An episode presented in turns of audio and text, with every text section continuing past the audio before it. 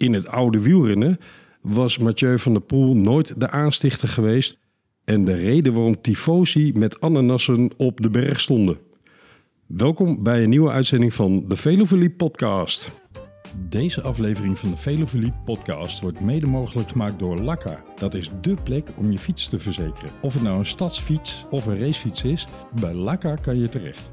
Bij Lakka betaal je een flexibele maandelijkse premie met een van tevoren bepaald maximum. Het mooie van Lakka is dat je ook in het buitenland verzekerd bent. Ga je tijdens het mooie weer de bergen in het buitenland opzoeken? Dan kan je met een gerust hart op pad, omdat Lakka's dekking geen grenzen kent. Surf dus als de brandweer naar lakka.co zonder m slash nl. Dat is laka.co slash nl en verzeker je fiets. Door naar de show. Buongiorno Giro. Ik ben Peter Winnen en je luistert naar de Velofolie podcast.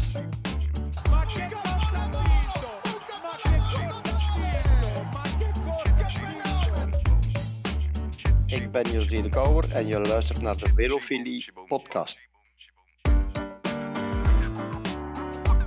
De Velofilie podcast. Vieni via di qui. Niente più ti lega a questi luoghi, neanche questi fiori azzurri. Buongiorno a tutti i tifosi del Giro d'Italia. It's wonderful, it's wonderful, it's wonderful. I dream of you. Chips, chips. Dat diddle-doo, chiboom, chiboom, boom. Dat diddle-doo, chiboom, chiboom, boom. Dat diddle-doo. Fantastisch. Uit België, groet José de Kouwer. Goedemorgen, middag en avond, beste wielenvrienden en vriendinnen. Ciao Giro! Dat is eigenlijk het thema van deze uitzending. We gaan het hebben over de afgelopen Giro. En wat was daar nou aan? Was daar wat aan? En wat vonden we ervan? En vooral gaan we het hebben over Ananas Gate. Want als er een verhaal prachtig is, dan is het dat wel. En als het wielrennen drijft op iets, dan is het wel mooie verhalen. Dus dat kunnen we niet onbemerkt en onbesproken laten. En Wesley, welkom in de uitzending. Dankjewel. Ik wil jou eventjes een praktisch voorbeeld geven van hoe onze sponsor Lakka fantastisch van pas komt. Want wat is een van de voordelen van de fietsverzekering van Lakka? Het is flexibel. Precies, je kunt hem opzeggen wanneer je wilt. Wat was nou het geval? Ooit in mijn jeugd ben ik op een fietsvakantie naar de Pyreneeën gegaan en werd mijn, nou spiksplinternieuw was hij net niet meer, maar mijn toch wel peperdure Eddy Merckx afgemonteerd met Campiolo Record, een week voor vertrek naar Zuid-Frankrijk gejat. Jawel, gejat. Was een beetje eigen schuld, want wie gaat er nou op zijn racefiets de stad in? Maar goed, er zaten volgens mij goede sloten om die fiets heen. Alleen dat bleek achteraf niet het geval. Want twee andere racefietsen van twee reisgenoten stonden er nog wel. Maar die van mij was net niet door de ketting heen gegaan. Maar die ketting was over mijn fiets heen gegaan. Dus dat was een easy target. Nou, ik zonder fiets. En toen heeft eh, een eh, fantastische amateur wielrenner mij uit de brand geholpen.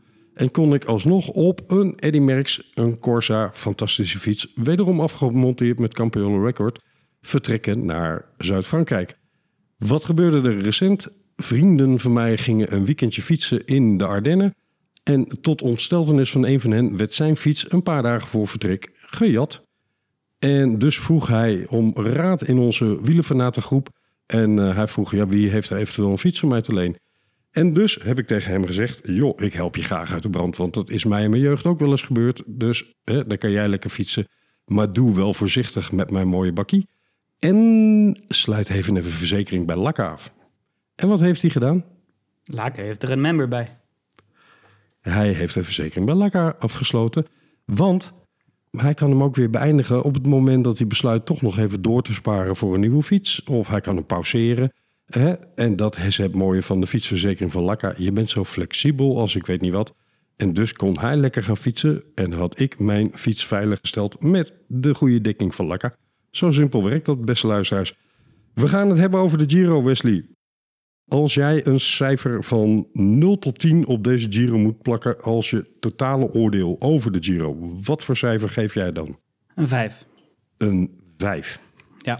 Eh, dan moet ik altijd even denken. Dat was op school een onvoldoende. Hè? Zeker. Ja, dat kon je dan compenseren door ergens anders een 7 voor te hebben. Maar dat is in dit geval niet het geval. Nee, ik, ik ben ben eigenlijk wel een beetje zat dat in de Giro de klassementsrenners eigenlijk alles weggeven aan de vluchters. Ik bedoel, het was vorig Oh, jaar zo. Niet te snel van start gaan. Niet te snel van start gaan. Ik grijp even in. Eh, wat geef ik het voor cijfer? Ik geef het een... Ja, eigenlijk wil ik precies dezelfde splitsing maken als jij. Maar als een algemeen cijfer geven, geef ik het een 7,5. Oh, dat vind ik nog... eh er zit er een heel groot gat tussen ons. Ja, maar dat komt omdat ik de secundaire omstandigheden, laten we zeggen de aanvalslust van diverse renners en de ontwikkelingen in de etappes eigenlijk wel compenserend vind voor het gebrek aan spanning in het algemeen klassement. Had je me daarentegen, Wesley, bijvoorbeeld gevraagd wat voor cijfer zou jij de eindwinnaar geven, dan zou ik hebben gezegd ik gun het hem van harte hoor, Jay Hindley, want ja, na 2020 is het natuurlijk prachtig dat hij hem alsnog op zijn konto heeft. Maar als je werkelijk 15 minuten uit je kot komt, dat is een beetje gechargeerd, hè, dat snap ik ook wel. Maar als je 15 minuten uit je kot komt en daarmee de Giro wint, dan zit er iets van een teleurstelling in. Dat ben ik helemaal met je eens. Maar leg uit waarom jij tot een 5 komt. Nou, de strijd tussen klassementsmannen, dat is eigenlijk waarom ik een grote ronde van begin tot einde volg. Heel vaak. Dat is in de Tour zo, dat is in de Vuelta zo. En dat is ook in de Giro zo. Ik bedoel, ik, duels tussen Menchov en Di Luca staan nog op mijn netvlies. Ja, dat vond ik echt hele interessante Giro's, omdat je dan echt veel strijd had. Wat geinig dat je van alle voorbeelden die je had kunnen noemen, precies die noemt dan. Ja, nou ja, de, de, de doping en alles terzijde. Ik vond het gewoon een hele leuke Giro om te volgen. Met die afsluitende tijdrit in de val van Menschhoff. Ja, Ja, dan als, dat als je. Ja. ultieme climax natuurlijk, ja. Maar Ja. nu, ja, als we twee dagen strijd hebben gehad tussen klassementsrenners, dan is dat veel. Dan was dat het.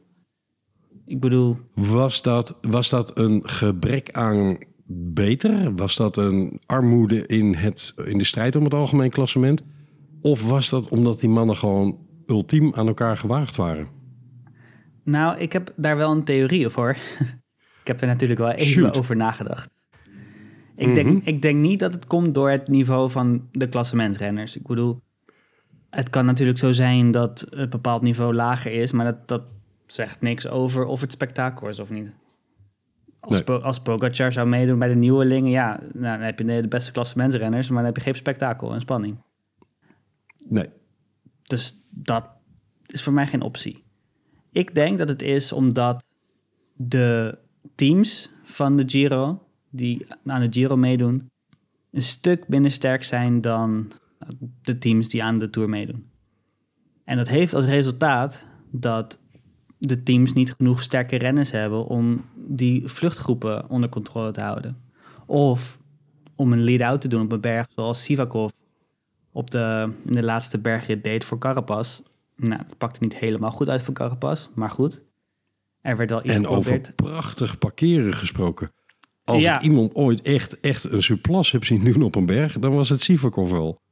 Ja, nee, maar ik bedoel, Stuk, dood, Ja. kapot. zeker, dat was klaar.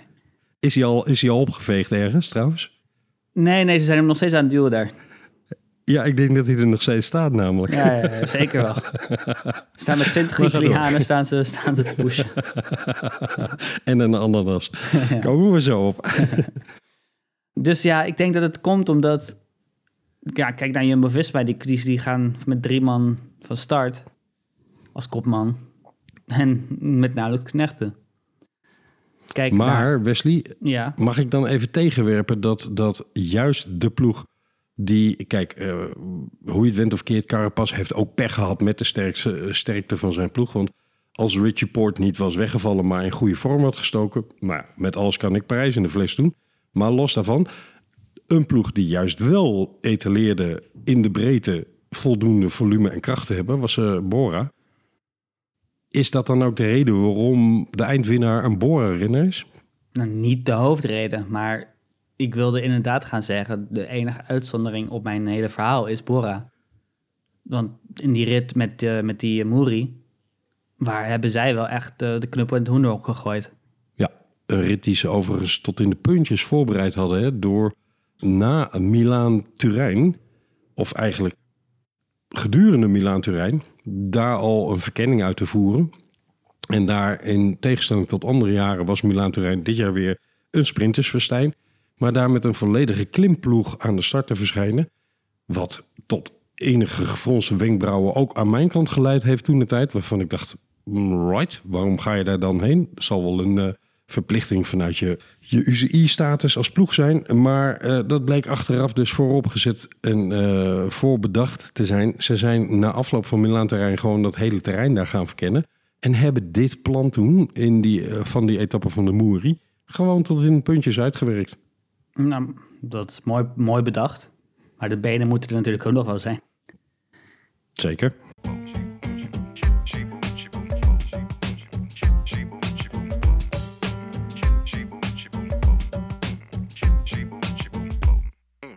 Wilco Kelderman, jongens.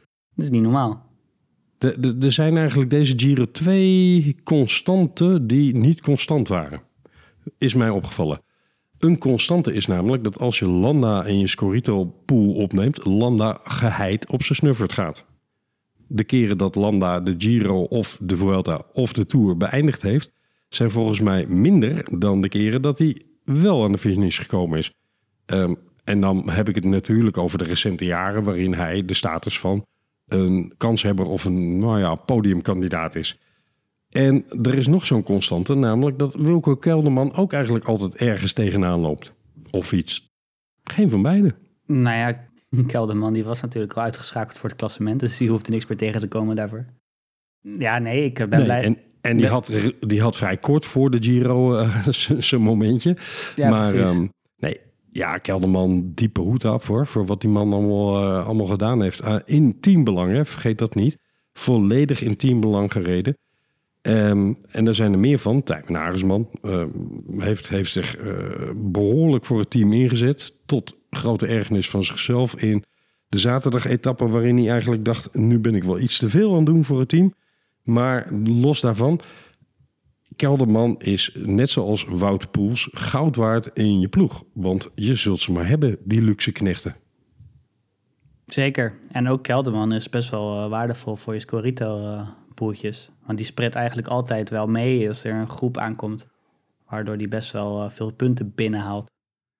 Heb ik overigens Begrijp niet ik gedaan. daaruit hoor. dat jij Kelderman had? Nee, zeker niet. Dus kun je nagaan. Hmm, hmm, ja. Beste luisteraars, als we het over Scorito hebben, kan ik er niet onderuit om Wesley van Bavel van harte te feliciteren met de winst in onze Velofolie eh, Scorito Pool. Van de 22 man ben jij glorieus winnaar geworden. Van harte, eh, Wes. Dankjewel, wat sportief van je. Geniet ervan, geniet ervan. Ik eh, ben met de hakken over de sloot in de top 10 geëindigd na mijn nulpunten debakel van etappe 1. En ehm, ja, vond het desondanks toch ook nog wel enigszins een prestatie dat ik in die top 10 terecht kwam. Want dat betekent dat er 13 man met wel punten op dag 1 gewoon achter mij gefinished zijn. Maar het was even goed een, eh, een Giro om Scorito technisch snel te vergeten voor mij. En dat glazen begon eigenlijk al bij Lopez. Miguel Angel.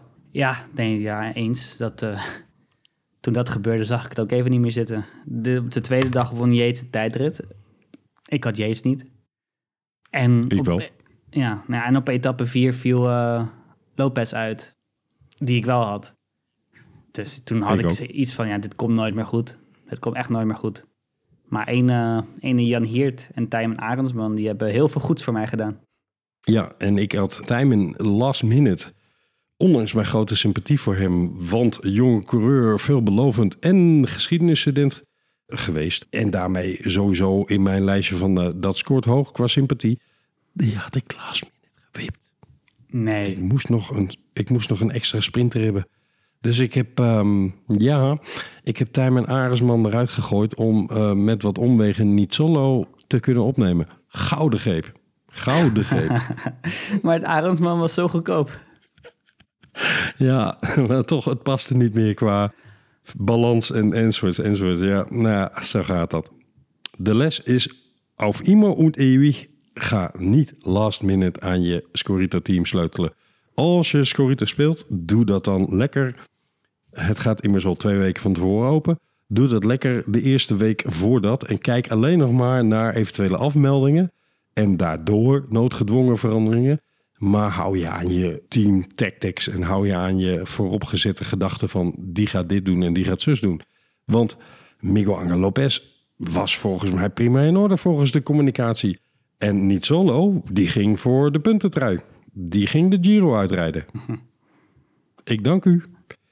Ja, dat Ja. zijn kostbare, kostbare puntjes die je hebt laten liggen daar. Ik zou bijna zeggen voor strafpizza ananas voor niet solo voor het eh, opzettelijk in de war schoppen van ieders scorito. Pro- probeer nu een bruggetje te maken. Ja, maar dat bruggetje houden we nog eventjes eh, in onze horizon. Want ik wil je nog even vragen, Wesley. Het heeft dus niet per se van zeg maar, de breedte van de klassementsrenners afgehangen voor jou. Het zat hem in de strijd zelf. Vind jij dat, nou ja, de winnaar is altijd terecht. Dus ik ga niet vragen, vind jij Hindley een terechte winnaar? Maar vind jij Hindley een mooie winnaar? Nee, en dat is niet persoonlijk tegen Hindley. Dat ligt dus Mhm. echt puur aan het feit dat ik, als ik terugdenk aan de strijd om het klassement, dan denk ik aan eh één rit terug, misschien twee. Had jij voldoening gehad als Carapaz hem wel gewonnen had? Ja, ja, iets meer misschien, omdat hij dan toch wel Rossen wat langer verdedigd heeft en ja, toch iets meer met zijn snuffert in de wind heeft gereden. Ja, maar, maar, minder vaak aangevallen. Hè? Ja, nee, dat, dat kun je. Hindley wel meegeven. Ja, nee, dat klopt. Maar ja, ik denk het een of het ander dat het op zich niet heel veel had uitgemaakt. En ik gun Hindley echt alles. De hele wereld mag hij hebben. Maar ik kijk een klassement en dat vind ik het leukste wat er is in het wielrennen bijna. Om een strijd tussen 1, 2, nou niet één, maar twee, drie renners te volgen. En daar dan met de nodige heroïe en de nodige spanning, dat daar dan na drie weken een winnaar uitkomt. En die, die spanning en die heroïe, die heb ik gewoon niet gezien. Het, het meest spannende en heroïsche vond ik nog dat Nibali weer het klassement inkwam en een vierde werd. Dat vond ik het meeste, daar, daar haalde ik het meeste uit. Dat, dat hij weer ging klimmen en, ik had nog net, net zoiets van, nou, jammer dat hij stopt. En dat de laatste jaren was zijn niveau eh, ja, niet om over naar huis te schrijven, maar dat is nu weer een stuk beter. En dat vond ik nog het leukste. Ik snap jouw gedachtegang helemaal.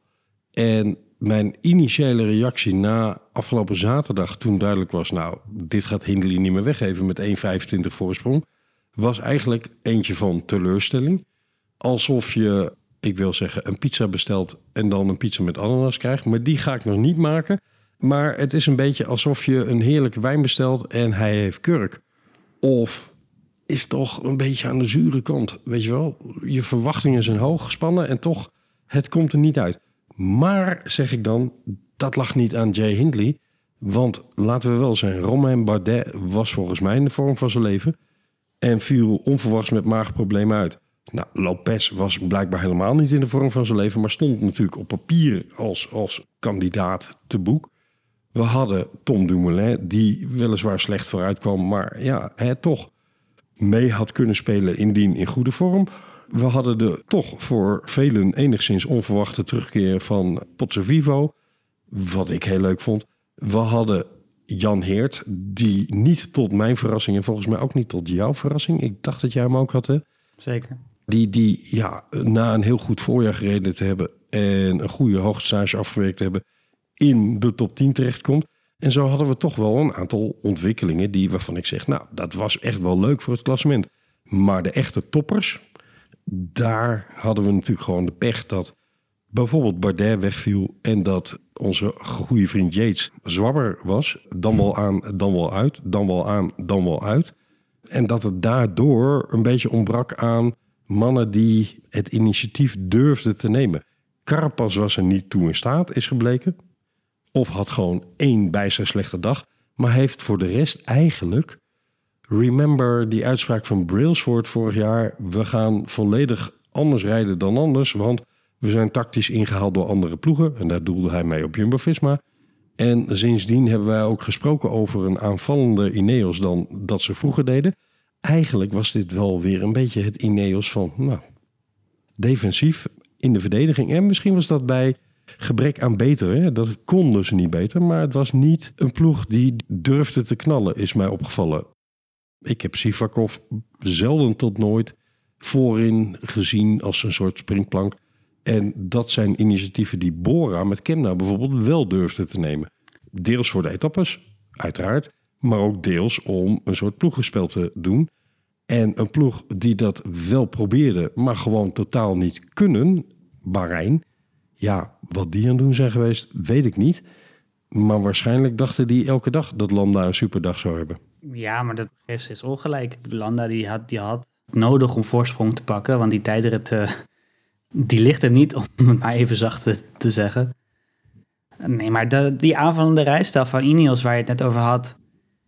Zo'n rijstijl kan je alleen maar echt toepassen als je meerdere man in het klassement hebt. Want ja, een Kemna kan wel aan gaan vallen, maar waarom zou Ineos achter Kemna aangaan? Wat, wat, wat, wat bereik je met zo'n aanval dan? Dus Nee, maar Ineos had ook kunnen zeggen... in plaats van toch weer vooral met kopwerk bezig zijn... en ja, ze hadden de roze trui op een gegeven moment in de ploeg... en dus heb je wat te verdedigen. Maar ze hadden ook kunnen zeggen... ehm, laat het initiatief maar aan andere ploegen. Als die kopgroep 10 minuten weg wil rijden... jongens, zwa. En eh, Bora, pakt het initiatief maar als jullie zo goed zijn. Snap je? Het is toch een beetje het, het defensief fietsen wat ik daarin gezien heb. Terwijl de Giro duidelijk heeft laten zien.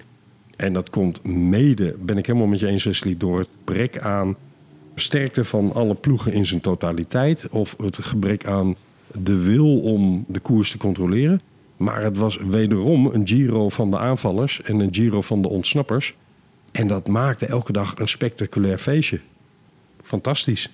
ja, en we mogen ook het uitvallen van eh, Almeida niet onbenoemd laten.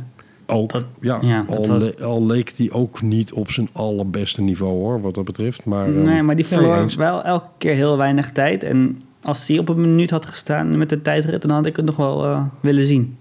Had in ieder geval extra had- spanning opgeleverd op de laatste dag.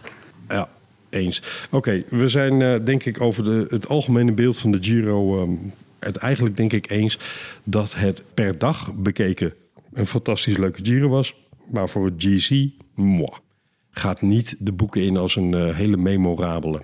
Ja, eens. Eerlijk gezegd, Wesley, als je het op de caper beschouwt, om het maar even lekker zo uit te drukken, dan is dat toch al de laatste drie, vier jaar wel aan de gang. Hè? In de Giro. Ja. Zeker, ja. Ja, eigenlijk sinds, eh, sinds het coronajaar 2020 is de Giro eh, ja, niet meer wat het eh, geweest is qua strijd met de klassementsmannen. Hoewel de, Nee, cli- nou- de climax in 2020 wel spannend was. Maar Het was spannend, maar of het nou Hindley of Keegan Hart ging worden, ja, moi. ja, Ehm, bij mij als fan speelt dan toch ook mee dat ik zoiets als een gunfactor heb. Bij ploegen, bij renners. En zoals het in het oosten van het land wordt gezegd... of Keegan Hart nou ging winnen of Hindley... daar wordt mijn pis niet lauw van. ja eens. ik, eh, ik, ik- ja, ik, ik, ik was vooral eh, zuur omdat Kelderman niet won. En dat Hindley niet op Kelderman wachtte. Dus ik denk van, nou, laat Hart hem dan maar pakken. Maar dat, ja, dat was ook niet heel Ja. extreem, het gevoel hoor. Nee, en, en laten we wel zijn, vorig jaar was een prachtige eh, ontwikkeling... omdat onze Colombiaanse vriend eh, nou, leek te gaan aftakelen... en Caruso eh, de rol van kopman kreeg en dat met verve deed. Maar om nou te zeggen dat dat een, een Giro voor de eeuwigheid is... nee, ook dat niet. Dus eigenlijk valt mij op dat de Giro elk jaar een fantastisch parcours uittekent... maar dat de renners en de ploegen niet optimaal gebruik maken... Althans, als je het over general classification hebt, het algemeen klassement, en niet per se optimaal gebruik van maken. Ja, dat, eh, ik denk dat het een constatering is die juist is. Ik denk dat het ook wachten is op eh, de Pogacaren en de Van Aert en de Alaphilippes van deze wereld om, eh, om mee te doen aan een Giro. Misschien geeft dat een extra dimensie eraan. Een mooi bruggetje om het over die andere uit het rijtje te gaan hebben, Wesley. Laten we het gaan hebben over Ananasgate. Ik vind namelijk, als je in staat bent om tifosi in Cox uniform met een ananas naast je een berg op te laten rennen, dat je een hele grote in de wielenwereld bent. Ja, een specifiek Italianen met een ananas. Nee, maar als je, heb je die filmpjes gezien dat hij wheelies aan het doen was? Was het op de Podoi? Volgens mij wel, hè? Ja, hij heeft eh, volgens mij heel de Giro eh gewielied. Ja, oké, maar die, die tifosi werden gewoon gillend gek. En Ja, ja. fantastisch. Hij is echt ultiem populair geworden in Italië. Althans onder het wielerminder publiek. Maar dat is ongeveer heel Italië. En hij heeft gewoon, laten we wel zijn... volkomen terecht de prijs voor de meest strijdlustige renner van de hele Giro gewonnen. En hij is, ja, nou, eh, hij is tekenend voor de Giro geweest. Begon met die roze trui en die prachtige sprint van eh, tegen Bini, die die wel won. Eh, daarna een, een weergeloze tijdrit. Want, mm, nou, hadden we het gehoopt? Ja, hadden we het echt verwacht? Moi, iets minder.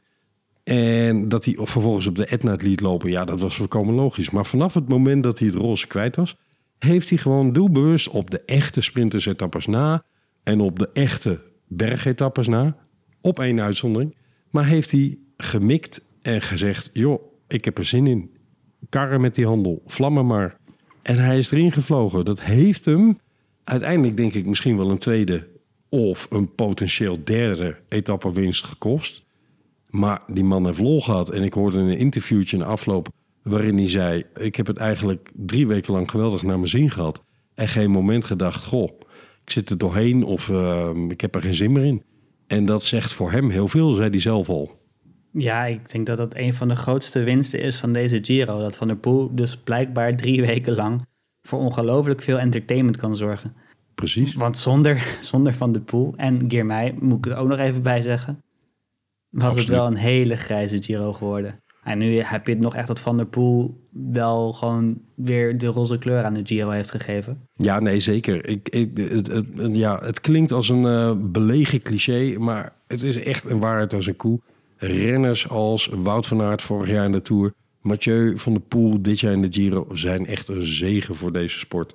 Want oh, wat hebben we dat nodig om wielrennen tot een attractieve, explosieve en ingewikkelde sport te maken. Want wie rijdt er nou voor wie en wie rijdt er tegen wie? Tijmen Aresman heeft daar zaterdag ook weer een lesje in, eh, in meegekregen. En dat is wat hij in de afloop waarschijnlijk ook bedoelde met... nou, weer wat geleerd vandaag. Het is niet zo dat als je met z'n allen in een kopgroep rijdt... dat je allemaal hetzelfde belang hebt. Wel nee. En Mathieu van der Poel heeft geleerd wat hij in het voorjaar al kende. Gebeurt in de grote ronde ook. hey, jij bent toch Mathieu van der Poel? Neem jij het initiatief maar. En daar kun je wel eindeloos met je krachten smijten. Maar ten eerste, zijn krachten waren niet eindeloos in deze Giro. En daarom is het zo mooi om hem toch heel veel te zien vlammen. En er heel veel in te zien knallen. En hij heeft, doordat hij deze Giro, in tegenstelling tot wat velen vooraf voorspeld hadden, wel uitgereden heeft, ook gewerkt aan zijn basis. En ik durf te zeggen, amai, mag eigenlijk niet in een Giro eh, nabeschouwen. Maar laat die Tour maar alvast beginnen hoor. ik heb er zin in. Ja, maar stel je voor dat Van der Poel zegt... ja, ik hoop dat ik een betere redder ben geworden. Zoiets zei hij wel, hè? Ja, ja. Ja, Nou, dat hopen wij van harte ook. Alleen zijn tegenstanders, mm, dat denk ja ik niet. nee, die, die eh, liggen nu wakker. Ja, ja, daarentegen is eh, Wout van Aert zeer waarschijnlijk op de tijden bezig. Of een andere berg waar hij eh, twee weken of drie weken op verblijft. En dan zul je zien dat hij er niet per se van wakker ligt. Nee, Van Aert niet, nee. Maar ik denk dat er nog heel veel renners zijn die op een goede dag niet eens in de buurt bij Van der Poel komen op dit moment. En dan horen ze hem ook nog zeggen van ja, ik hoop dat ik een betere renner ben geworden. Ja, In ouderwetse geschiedschrijving noemde je dat kanonnenvoer. Dank ja u. exact. Heerlijk. Ja, matje, pluim af, hoed af, jas uit, stropdas los, diepe buiging. Ja, zo absoluut prachtig. Ja, daar had ik in het begin van de uitzending al het voorbeeld van hoe de fietsverzekering van Laka in de praktijk heel erg goed van toepassing is. Maar het is natuurlijk nog mooier om te horen welke mensen er achter Laka zitten en waarom zij zo'n passie hebben om jouw fiets te verzekeren. Het zijn namelijk stuk voor stuk wielergekkies. Waar dat uit blijkt? Luister maar naar deel 2 van ons interview met de mannen van Laka. Hey Camille. Ik ben Christian van Lakka en eh, verantwoordelijk voor de marketing. Heel goed. En ik ben Joost van Laka. Goedemorgen. Ik ben eh, in Nederland verantwoordelijk voor alles operations, eh, klantcontact en dergelijke. Goedemorgen mannen, welkom. Je zegt Joost, de, de medewerkers zijn fietsgekkies. Kan je daar iets meer over vertellen? Daar kan ik iets meer over vertellen. Het is een, het is een bondgezelschap van mensen die eh, professioneel eh, cyclocross hebben gereden. Super prestiges tegen Wout van Aert en, en Mathieu van der Poel. We hebben mensen die single speed mountainbikes door Engeland rijden off-road. Collega rijdt volgende maand, meen ik, Londen, Edinburgh, Londen. Eh, long distance uitdaging van, van pak een beet 1400 kilometer in een, in een paar dagen. Heel gaaf. Ik zelf ga beginnen aan mijn eerste ultradistance race over een maand. De Transbalkan van Slovenië naar Montenegro. Ja, we hebben ontzettend mensen die Ironmans doen. We hebben van alles en nog wat. Ja, dat betekent dus dat de medewerkers zijn zelf over het algemeen ook fietsers. En begrijpen dus hoe een derailleur in elkaar zit. Of een pion of eh, een trapas en dat soort zaken. Hè, dus op het moment dat je schade rijdt, snappen ze... hé, hey, dat is er met die fiets aan de hand. En dat is in deze markt niet gek. Ik denk dat we het allemaal herkennen dat onderdelen slecht op voorraad zijn. Dus Ja. het vinden van alternatieven eh, kan je zeker aan ons overlaten. We kunnen altijd iets regelen. Maar top. En Lakka is, is in Engeland een enorm succes geworden, Christian. Klopt. Dat heeft ongetwijfeld met een geweldige campagne te maken... die ik eh, als luisteraar van diverse Engelse wielenpodcasten Ja. ook wel vaak gehoord heb. Maar ook met het model dus. Het werkt in de praktijk. Dus Ja. wat, je, wat je inderdaad ziet, in, in, de, in de UK bestaan we al wat langer. Zijn we eigenlijk al, eh, al meer dan vijf jaar bezig. En we zien dat, dat het, eh, het verzekeringsmodel, hoe, we- hoe wij het nu hebben omgedraaid eigenlijk. Hè, het belang van de klant staat op- bij ons voorop. En we zien dus ook dat mensen besparen op hun fietsverzekering. Doordat je een variabele premie betaalt. Je hebt dus de maximale premie wordt berekend op basis van de waarde van je fiets. En die varieert. Normaal gesproken krijg je gewoon een maximale premie bij een verzekering. En die betaal je gewoon elke maand. Ja. Bij ons varieert die, omdat in de winter wordt er wellicht wat minder gefietst. Je kan ook je verzekering pauzeren. En we zien dus dat het verzekeringsmodel wat wij hebben goed werkt.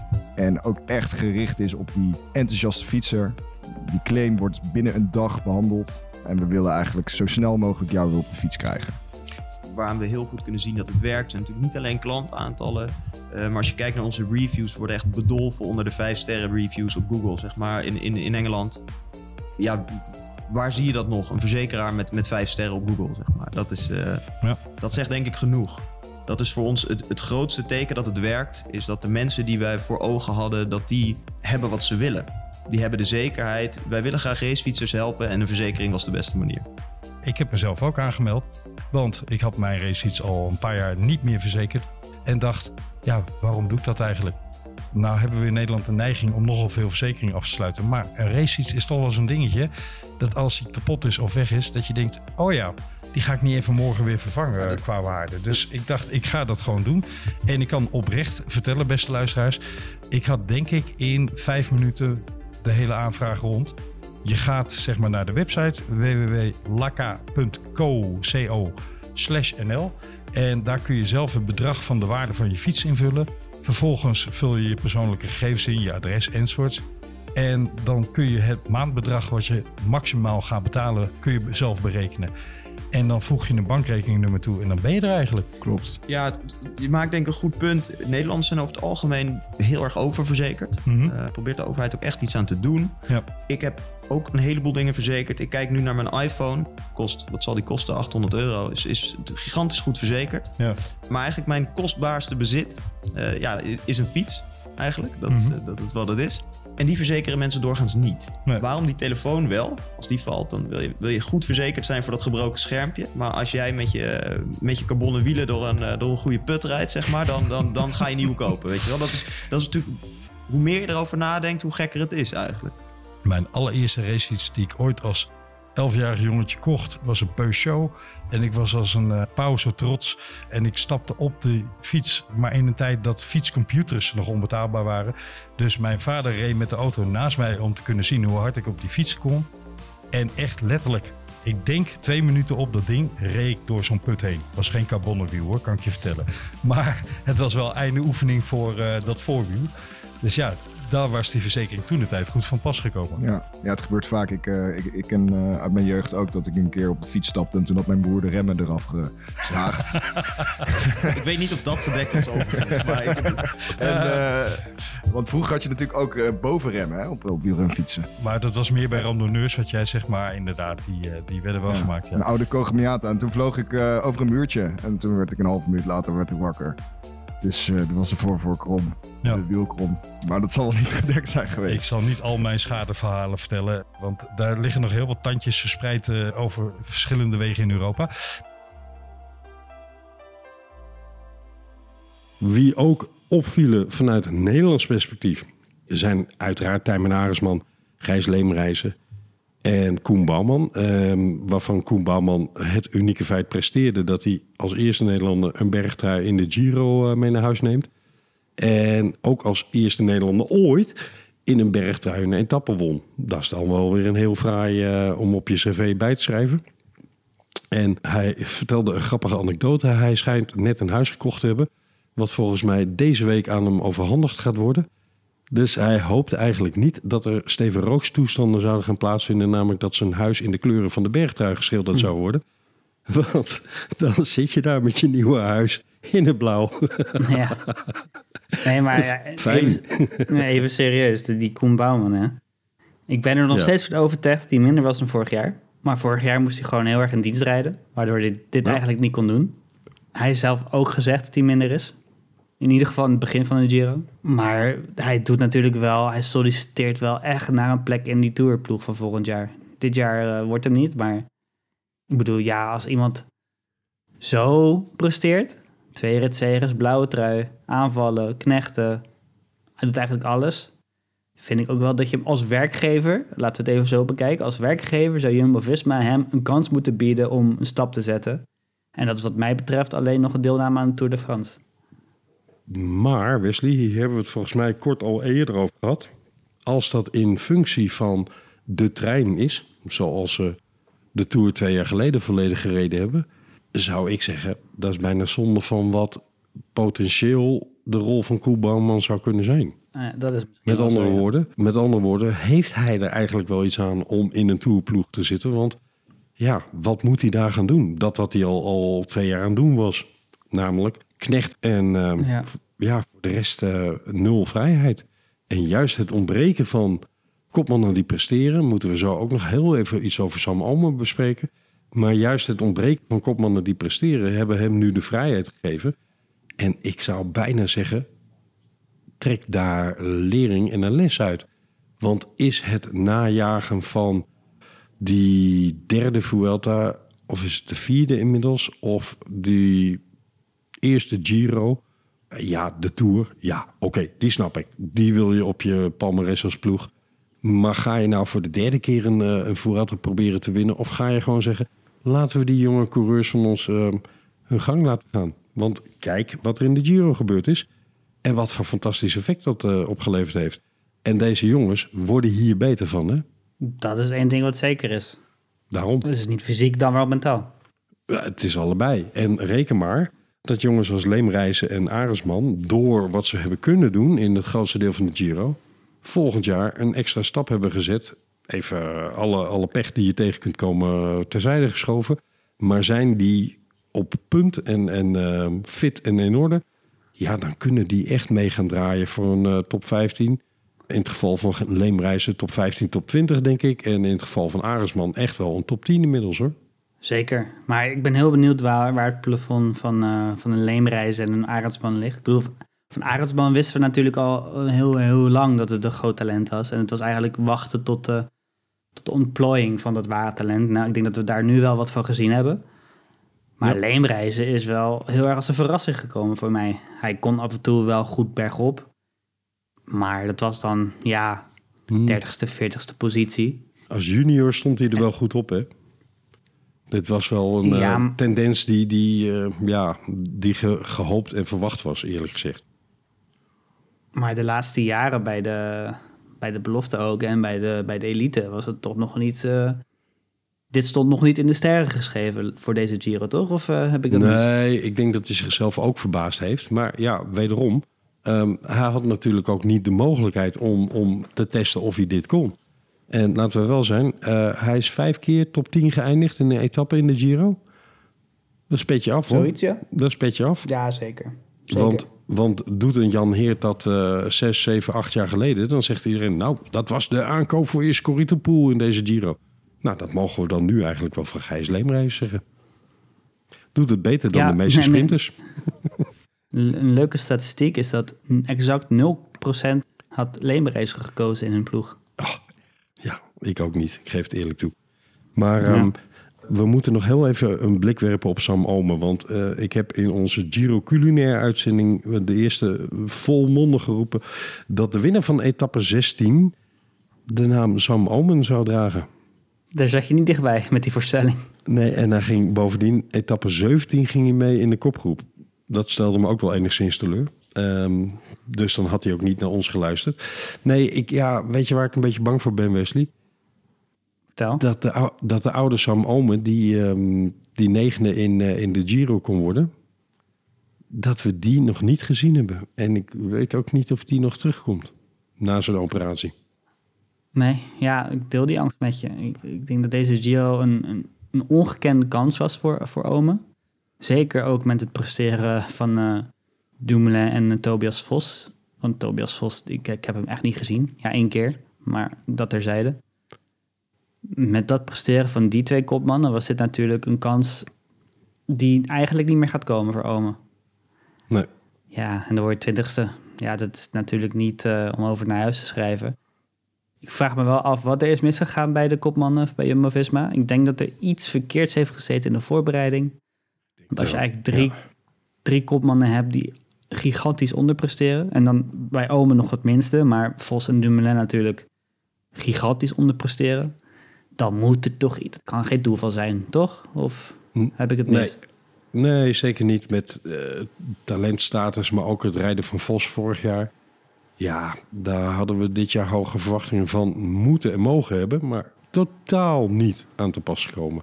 Ehm, tenzij je twee keer top 10 in een tijdrit meetelt, maar dat tel ik in zijn geval niet mee. Ehm, Omen, ja, daar, daar vrees ik van dat de blessure nog steeds doorwerkt.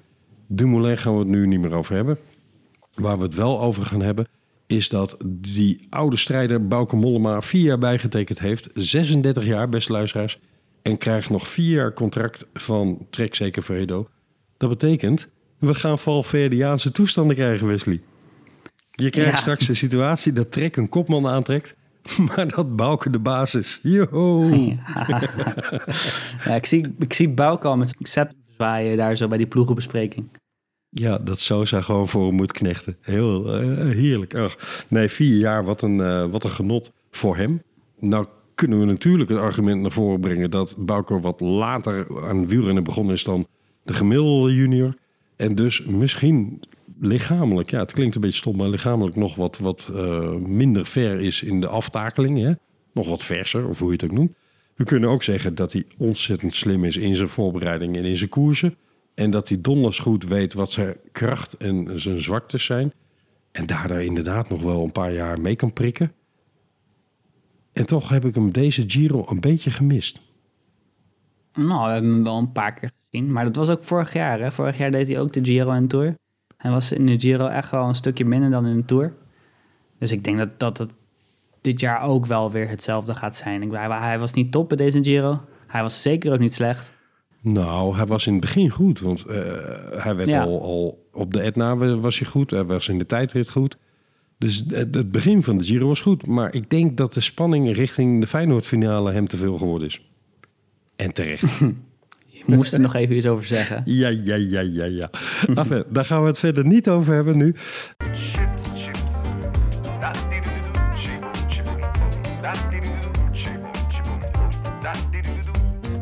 Waar wil jij, eh, Wesley, ja, eh, de hoogtepunten, renners die opgevallen zijn positief en renners die negatief zijn.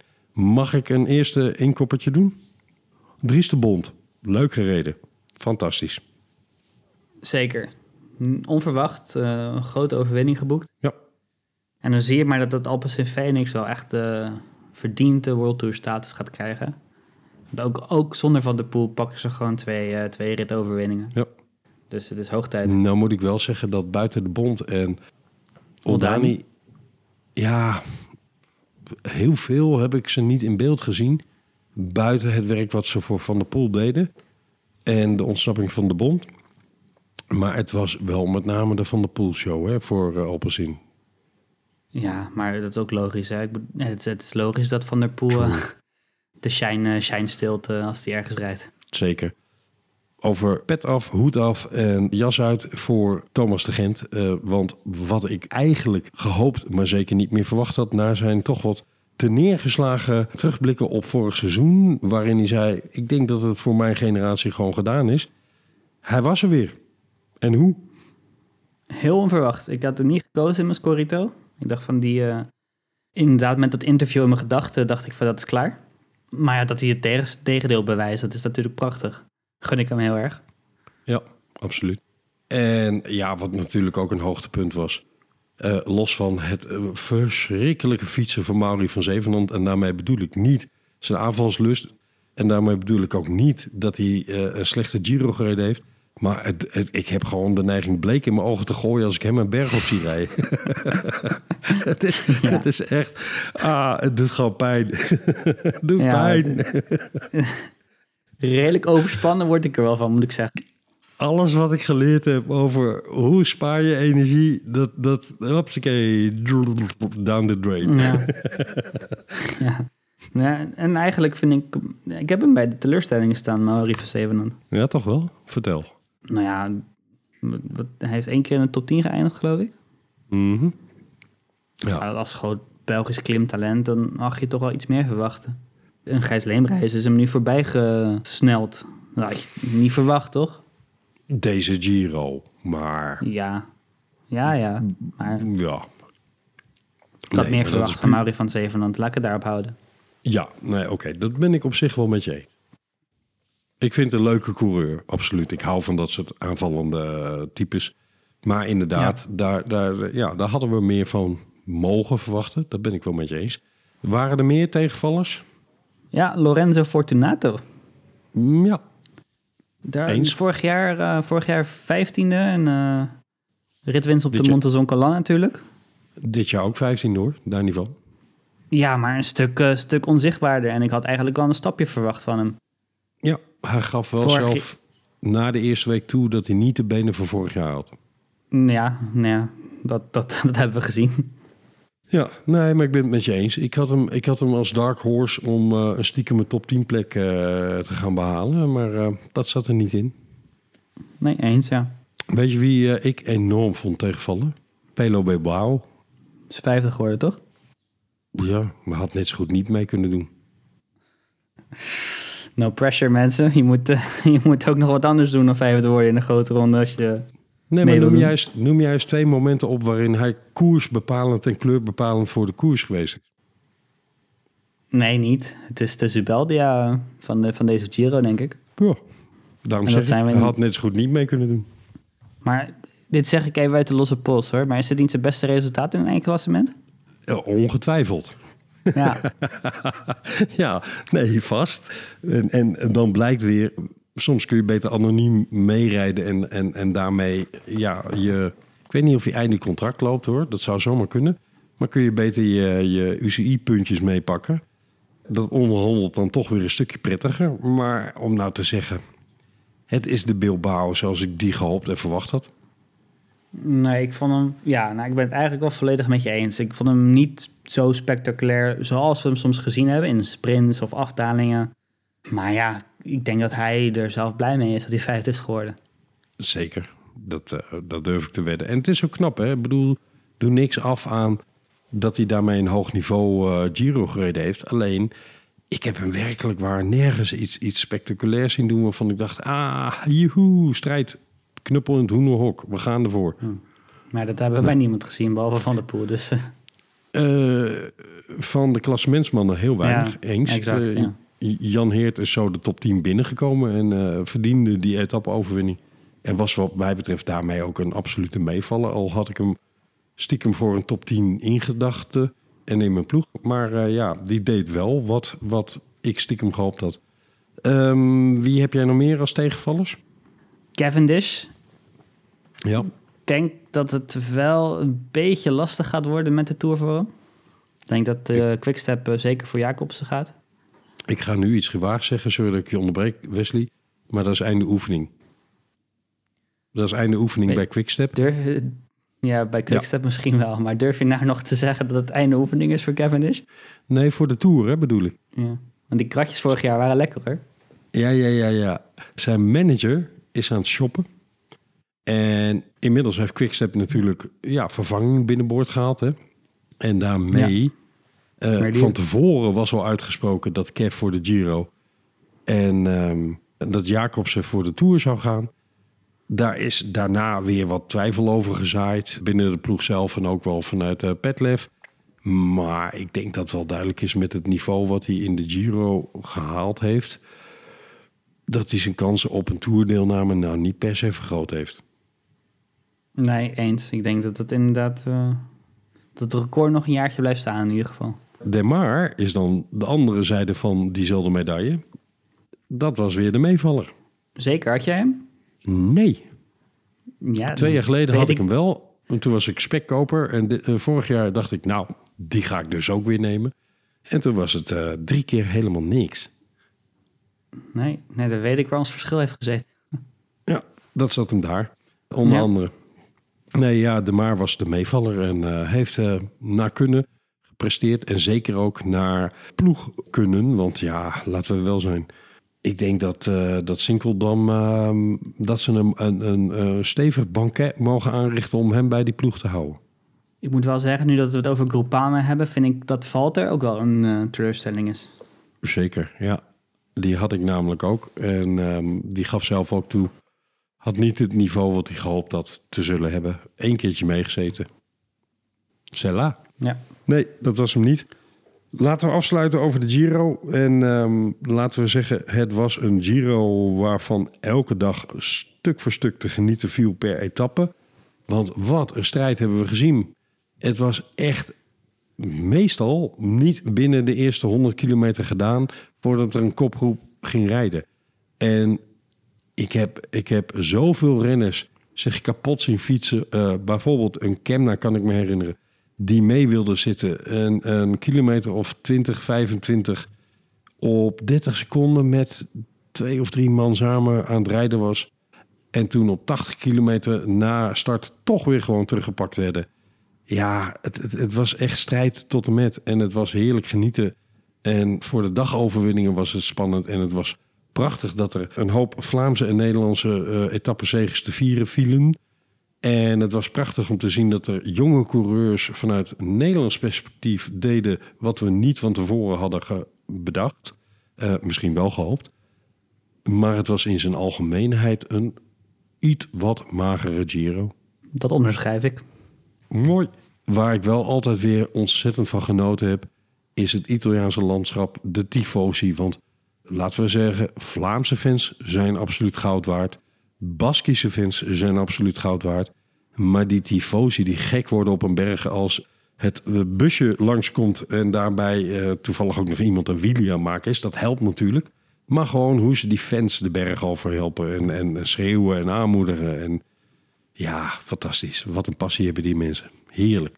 Zeker, dat, ja, dat ben ik het ook helemaal volledig mee eens. Dat, en ook, ook weinig gekken. Je hebt wel een paar incidenten gezien, maar niet, eh, niet zoals we ze in Frankrijk gaan zien deze zomer. Nee, geen opie Een enkel overstekend hondje hier en daar. Maar voor de rest viel het gelukkig allemaal mee. En laten we het afkloppen. Maar we hebben ook heel weinig serieuze valpartijen gezien. Hm, zeg ik heel voorzichtig. Ja, jinx het nou niet. Nee, precies. Wesley, er komen nog wat tussenliggende koersen. De Ronde van Zwitserland, de Dauphiné enzovoorts. Maar we kunnen er niet omheen draaien. We gaan ons voorbereiden en klaarmaken voor een hopelijk prachtige tour. We gaan eh, daar een aantal uitzendingen in, eh, in de voorbereiding voor doen. En één daarvan zal zijn eh, de volgende van de Velofilie podcast. En dat wordt de mooiste grote ronde deel 2. En daarin gaat Jeroen ons vertellen wat zijn favoriete grote ronde aller tijden is. En wat zijn geboortejaar grote ronde deed. Een van de drie grote rondes uit zijn geboortejaar.